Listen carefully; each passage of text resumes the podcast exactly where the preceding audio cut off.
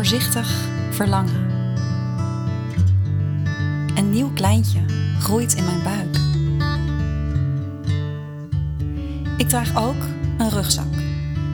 Met ervaringen die me zo nu en dan behoorlijk onzeker maken. En mooie inzichten geven. Ik ben Margriet. Tijdens deze zwangerschap deel ik wat ik op mijn pad ontmoet.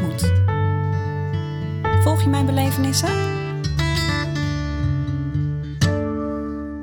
Oh jee, dat was even schrikken toen ik vanochtend op de weegschaal stond. Want, eerlijk is eerlijk, ik had al best een tijd niet meer op de weegschaal gestaan. En wat je niet weet, dat, uh, daar kan je ook niks van vinden, toch? Maar goed, uh, vanochtend dus toch de stoute schoenen aangetrokken. En uh, ontdekt dat er al 12 kilo bij is. Ik weet eigenlijk niet of dat nou echt heel zwaar is of niet. Maar daar staat me zoiets bij dat ik bij Senna 14 kilo ben aangekomen. En ik uh, ben er nog niet. Dus hoeveel bewijs wil je eigenlijk hebben van een zwangerschap? Welkom bij een nieuwe aflevering. Ik vertel je uh, vandaag alles over wat ik ontdekt heb en ervaren heb in week 29, 30 en 31 van deze nieuwe zwangerschap. Ja, wat vooral uh, opvalt de laatste weken is dat ik voor mijn gevoel wat meer binnen het typische zwangerschapplaatje pas. Uh, dat mensen tegen me zeggen: uh, Jeetje, wat straal je? Ja, en dan ga ik alleen maar harder van stralen. Want ja, het kan ook bijna niet anders. Ik ben zo um, gelukkig met wat ik heb in mijn leven. Vooral die momentjes dat Senna dan naast me zit op de bank en dat ik het getrappel en het gewoel in mijn buik voel. En Frank die thuis is, dan denk ik, ja, dit is het. Dit is het gewoon helemaal. en dan heb ik nogal meer ambities, maar in zo'n moment uh, ben ik gewoon compleet gelukkig. En dat, uh, dat straal ik dus blijkbaar ook uit. En nesteldrang. Nou, dat had ik bij Senna eigenlijk helemaal niet. Uh, toch is het toen allemaal goed gekomen. Um, dus het overviel me een beetje dat ik het nu wel wat meer heb. Um, en eigenlijk al wat meer de gehele zwangerschap. Dan toch ineens al die keukenkastjes uh, schoonmaken. Wel omdat het moet, maar omdat het moet, dan toch helemaal, helemaal goed doen. En uh, daar echt voor gaan, zeg maar. um, nou ja, goed. Uh, vorige week ook babykleertjes van Zenna allemaal uitgezocht. En gekeken, ja, wat, wat kan een jongetje aan? Want ja, dat is natuurlijk straks toch een klein beetje anders. En dat je dan al die, uh, die kleine kleertjes weer voorbij ziet komen. En die prachtige mooie meisjeskleding ook. En, en ieder setje kleding heeft er een herinnering van, uh, van Senna. En dan realiseer je weer hoe snel dat gaat. Dus ik weet niet of je dat uh, herkent, of je zelf al kindjes hebt. Um, maar dat is ja, toch al heel bijzonder als je van die dingen uh, op zolder zet en dan vier jaar later of drie jaar later weer tevoorschijn pakt en ja, zo herinnerd wordt aan al die mooie uh, momenten die je al gehad hebt. Maar tegelijkertijd dacht ik ook weg, weg, weg. dus we hebben een paar mooie dingetjes bewaard en heel veel dingen uh, die nog goed waren. daar hebben we iemand anders in de familie blij mee kunnen maken. En, um, en ook gewoon dingen weggegooid. En ik merk dat ik wat makkelijker denk, huppakee, weg ermee. Uh, ja, dat nest moet schoon.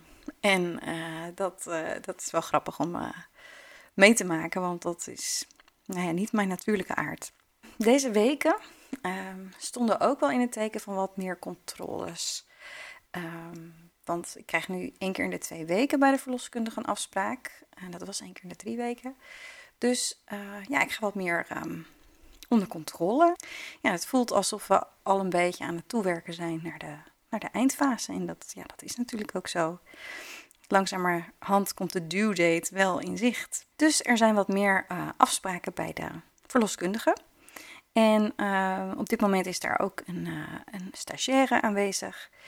En ja, die, die, die krijgt natuurlijk gewoon geleerd, of die is aan het leren hoe het vak werkt. En het is wel mooi om de verschillen te ervaren van mensen die, ja, toch voornamelijk vrouwen, die het al jaren doen en hoe soepel dat gaat en hoe zij nog af en toe zoekende is, maar ja, wel vanuit goede intentie. Zij ging uh, mij ook onderzoeken, en dus mijn buik en de groei van het kindje. En ook even naar het hartje luisteren. En toen was die doptoon stil. Die doptoon die ze op je buik leggen om naar het hartje te luisteren, deed even niks.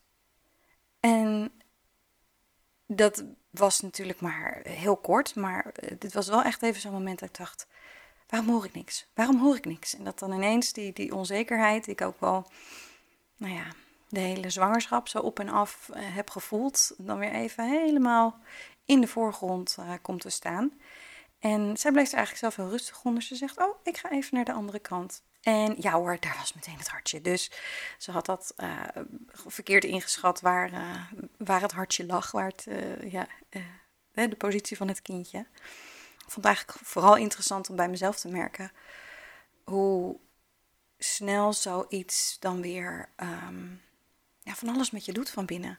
En dat zo'n paar seconden en, en een paar minuten lijken. En dat je denkt, wacht even, is het dan toch helemaal mis?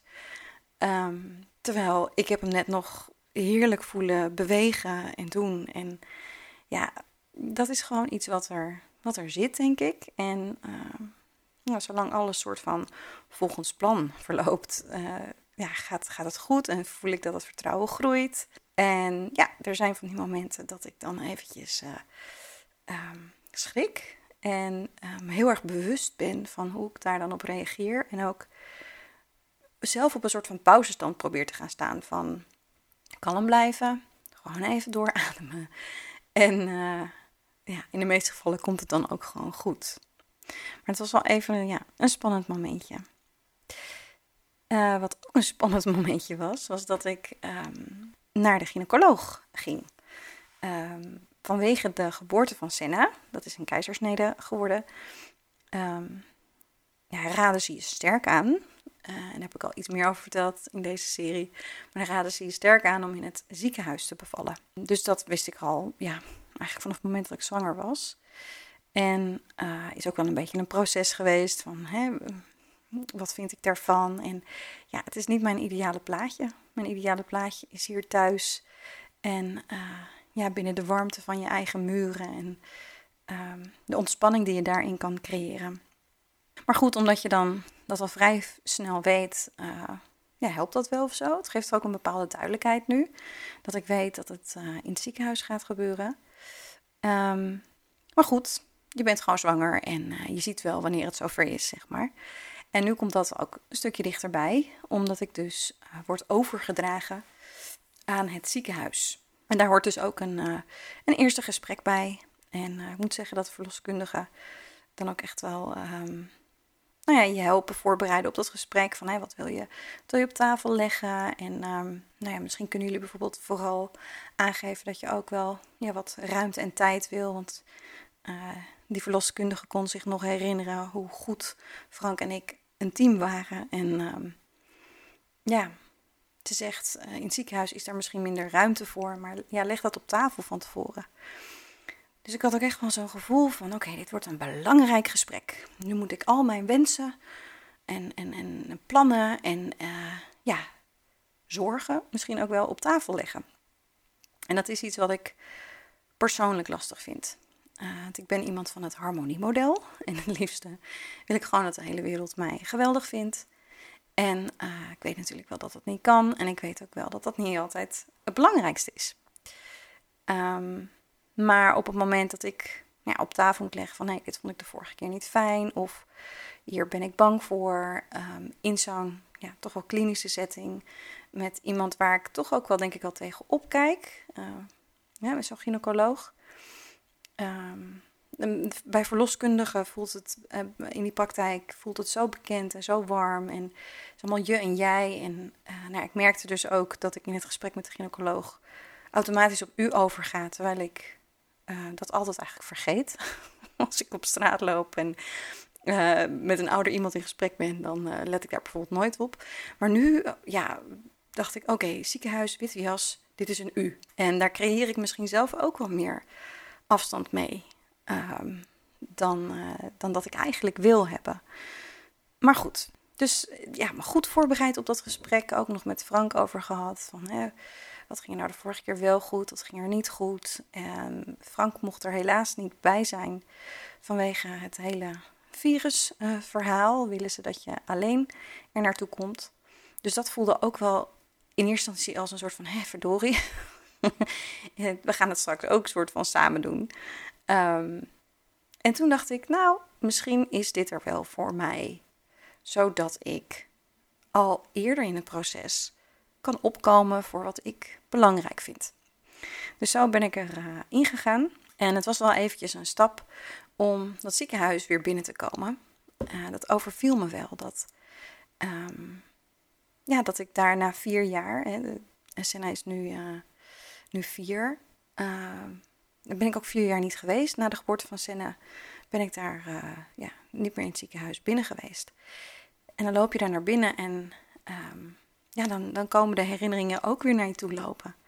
En dat zijn hele mooie herinneringen en dat zijn spannende herinneringen, dat zijn moeilijke herinneringen. Ehm, en dan ga je nog zo'n spannend gesprek in. Dus nou, dat allemaal, zeg maar, dat voelde ik.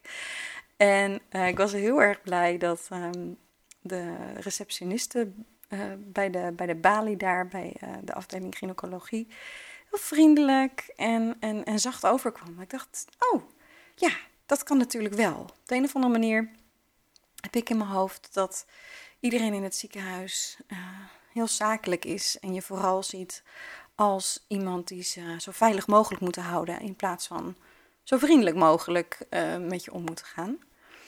Wat natuurlijk ook heel belangrijk is, dat je veilig bent. Maar goed, dus dat stelde wel iets gerust, het contact. En uh, toen kwam de gynaecoloog me ophalen en toen uh, versprak ze zich in mijn naam. En uh, dat is wel, grappig, want ik zei nee, ik heet Weehuizen. En toen zei ze, nou ja, dat had ik eigenlijk als gynaecoloog al moeten weten, hè, vanwege de weeën. Dus dat brak wel een beetje het ijs en de spanning bij mij, denk ik. Nou ja, goed, dan, dan word je uitgenodigd om te gaan zitten. En ik had me al toch een soort van plaatje erbij bedacht van dat we het gingen hebben over het doel van het gesprek. En dat ik Frank dan misschien ook ging bellen, zodat, we, zodat er in ieder geval uh, ja, telefonisch bij het gesprek aanwezig kon zijn. Maar voordat ik het wist, uh, ja, was het gesprek eigenlijk al begonnen. En uh, zei ze ook van, nou, tweede zwangerschap, hè. En, dus, en het vloepte er echt zo uit. Nee, de derde. Toen zag ik haar ook even schakelen van, oh, oké, um, wanneer ben je dan een kindje verloren? En um, dus dat was ook eventjes een soort van uh, een ongemakkelijk momentje. Maar ook wel een goed moment of zo. Dat ik denk, nee, dit is echt mijn derde zwangerschap. Um, en zo, zo voelt het ook. En zo, mm, dat mag ook bekend zijn. Nou, toen we dat uh, op orde hadden, toen, uh, toen begon de sketch. Want zo voelde het wel een beetje. Um, vanwege, vanwege het virus heb, heb je natuurlijk zelf een mondkapje op. En uh, zij hebben dan een soort van spatschermpje uh, voor hun gezicht. Nou, en zo'n witte jas. En uh, naar achter een computer zitten. En ja, dat je ineens de patiënt bent. Um, ja, dat, dat geeft mij al meteen een soort van theatrale sketchgevoel. Dat heeft ook vooral te maken met, met mijn verbeeldingskracht, denk ik. Maar goed, dus ze vroeg, nou, hoe, hoe zwaar ben je normaal gesproken en hoe lang ben je? En toen typte ze dat in de computer. En toen zei ze, nou, dan heb je 69% kans om natuurlijk te bevallen. En ik dacht, uh, oké, uh, uh, bijzonder. um, en ja, ik ben nieuwsgierig aangelegd, dus ik zeg, ja, hoe, hoe, hoe, komen jullie aan, aan, aan, aan dat getal? Heeft dat te maken met, ja, andere soortgelijke vrouwen? En ze zegt, ja, dat heeft te maken inderdaad met dat je blank bent en, nou ja, je uh, hoe de, de, de geboorte de vorige keer is gelopen en uh, je lengte en dit en dat. Toen dacht ik, oké, uh, interessant. En toen zei ze, um, als het kindje um, niet uh, zichzelf aandient, dus dat we het moeten opwekken, dan gaat er 10% vanaf. Dus dan heb je 59% kans om natuurlijk te bevallen. Nou ja, daarmee werd, werd het eigenlijk voor mij nog een, een, een ja, meer sketchachtige situatie. En ja, wat, wat is het dan dat het voor mij zo gek laat voelen? Dat de kans op een natuurlijke geboorte in een cijfer wordt omgedrukt. Dat mijn um, uh, ervaring straks nu al in een soort van cijfer wordt gedrukt. Kansberekening. Het voelde heel gek en onnatuurlijk eigenlijk om dat van tevoren te weten. En ik snap dat, dat het ziekenhuis het allemaal bijhoudt. En ja, ik twijfelde achteraf of ik het had willen weten. Want ja, wat zegt zo'n cijfer dat? Voor mij ben ik er eigenlijk al uit. Uh, al langere tijd dat ik heel graag natuurlijk wil bevallen. Dat mag. ook als je een keizersnede hebt gehad. En ze zeggen dan wel van hè, we willen niet dat de geboorte al te lang gaat duren vanwege de, het litteken en de spanning, de spanning die op het litteken uh, komt te staan. Um, maar um, ja, als je dan zo'n cijfer uitgedrukt krijgt, dan uh, ja, voelt dat gewoon een beetje gek. Maar goed, dus dat, uh, dat verraste me. Daarna kreeg ik nog heel veel cijfers en informatie over um, de, de, de, overlevingskans van moeder en kind. Um, als het dan uh, weer een keizersnede wordt en als het dan een geplande keizersnede wordt of een uh, spoedkeizersnede toch. Of nou ja, dus een hele hoop cijfers en, en, en dingen. En um, nou, dat hebben ze allemaal digitaal en online beschikbaar. Dus dat is dan wel weer heel goed dat ze dat allemaal ook weer naar je toesturen. En dat ze zorgen dat je dat thuis rustig kan bekijken. Maar op de een of andere manier overviel het me heel erg, al die cijfertjes en dingetjes. En het werd ineens zo, ja, zo medisch. En dat is niet wat ik wil. ik wil dat het zo natuurlijk mogelijk allemaal verloopt. En ik ben ontzettend dankbaar, laat ik dat voorop zetten, dat, uh, dat er medische zorg is. En uh, ja, dat ze er voor je zijn. En ik voel ook echt dat het de intentie positief is en vanuit zorgvuldigheid is en veiligheid. Um, alleen ja, die wereld staat zo ver van mijn bed dat ja, dat uh, in plaats van dat het me allemaal geruststelt, me het juist het gevoel geeft van ik wil lekker thuis bevallen. ja, en dat gaat nou net even niet. En dat is op zich ook oké. Ehm, dus ja, die keuze heb ik gemaakt. Maar ja, ik had eigenlijk ook gewoon de keuze gemaakt om natuurlijk te bevallen. En aan het einde van haar informatie zei ze ook van, nou heb je er al over nagedacht?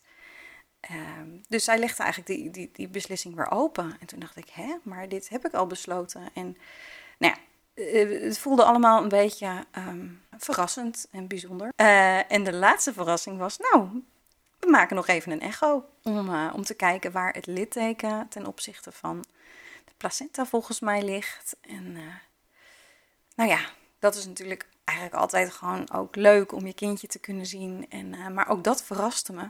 Nou ja, ik mocht, mocht gaan liggen en kreeg een prachtig beeld van de kleine man die zich met zijn handjes zo zich een beetje zo verstopte. En toen werd zij ook voor mijn gevoel weer wat meer mens. En zo van, ach Gossie, moet je dat nou zien, weet je wel? Want daarvoor is het allemaal ja, heel klinisch eigenlijk. Wel vriendelijk, maar klinisch en, en zakelijk. Dan zie je zo dat kindje en dan denk je, ja, dit is waar het om gaat. Ik ben zwanger. Ik ben zwanger van een, van een prachtig kindje.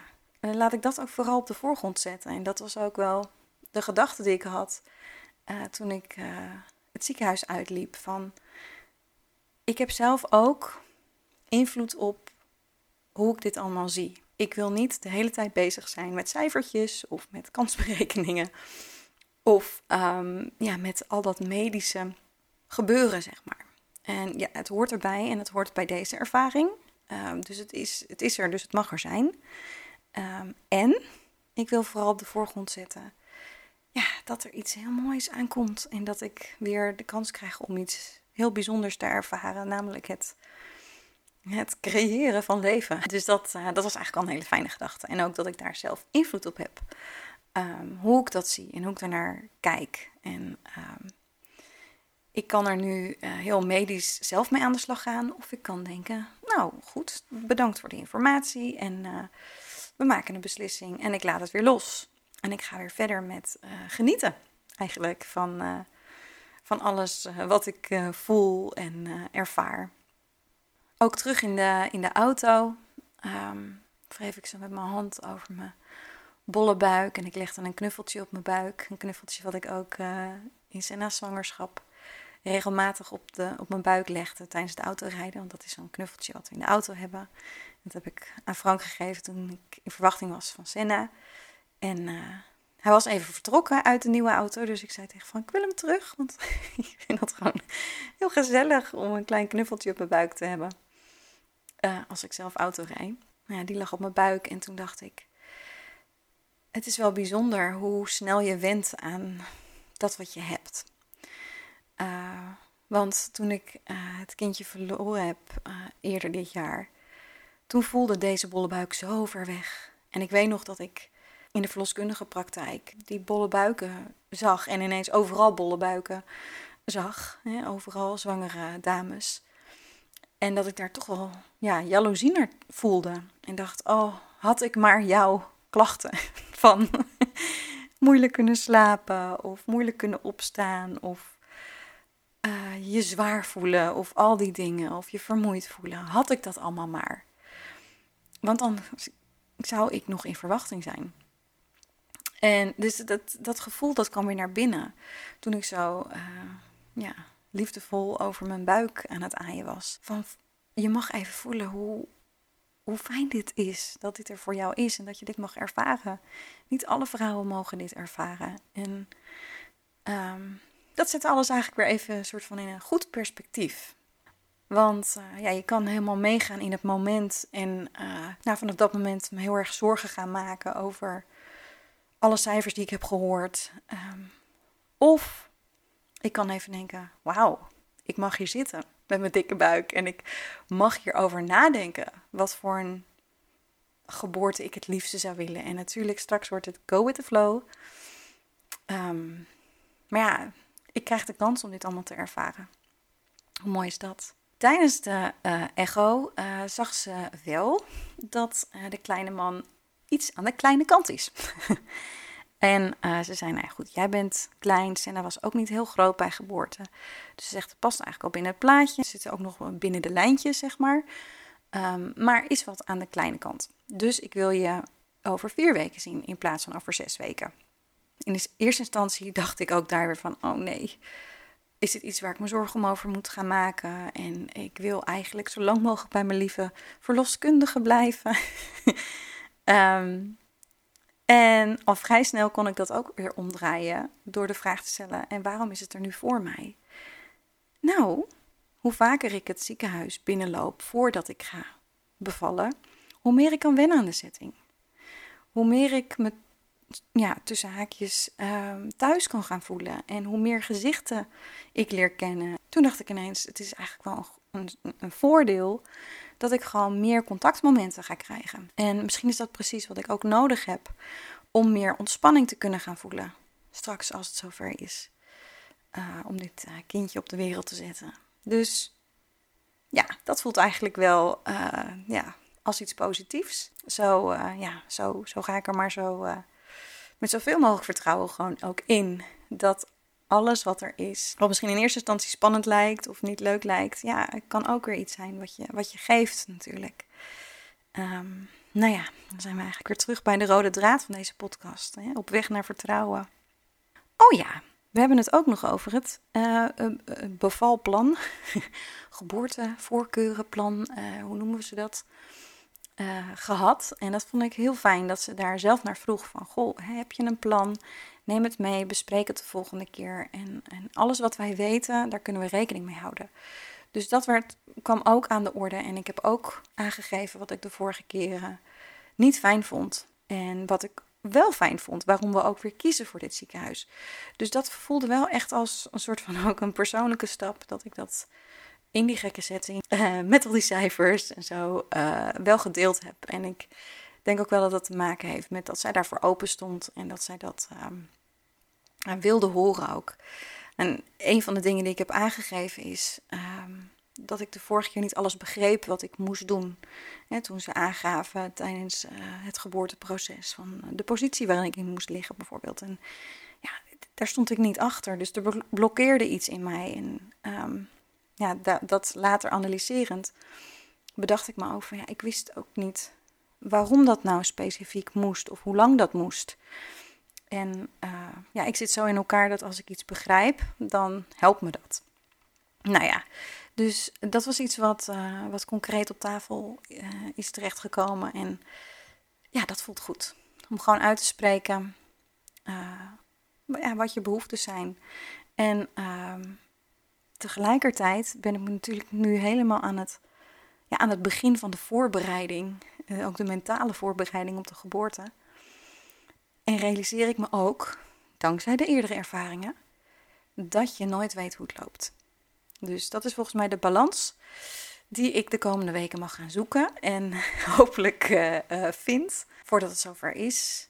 Want ja, dat zou mijn wens zijn dat ik nou, iets uh, meer voor mezelf ga opkomen, de ontspanning weet te vinden in, in die ziekenhuiszetting en tegelijkertijd ook ja, vertrouwen op um, hun deskundigheid en me daar ook aan kunnen overgeven. Ja, ik denk dat ik dan uh, wellicht wel een hele mooie ervaring tegemoet ga. Dus dat is mijn, mijn stip op de horizon. Voor mijn gevoel ben ik al lekker lang aan het kletsen, dus ik ga er een, uh, ik ga er een slot aan breien uh, voor deze aflevering. Dankjewel. Dankjewel dat je weer, weer of voor het eerst hebt geluisterd naar mijn, uh, naar mijn pad, naar mijn ervaringen. En uh, ik wil jou alvast een hele fijne dag wensen, wat je ook mag beleven. Het leven is er voor ons. Ja, het is een avontuur en het is er voor ons. Dat is wat ik geloof. Ik hoop je heel snel weer te treffen een volgende keer. En als je naar aanleiding van deze aflevering iets met mij wilt delen, uh, doe dat vooral. Ik wil er ook voor jou zijn. Uh, graag tot de volgende keer en veel liefs voor jou. Hopelijk heb je genoten van deze aflevering van Voorzichtig Verlangen en heeft het je iets gebracht. Wanneer dat zo is, dan maak je me heel blij met een positieve beoordeling. Misschien ken jij iemand die nu zwanger is en ook onzekerheid ervaart. Dan is deze podcast voor haar en mag je hem zeker delen.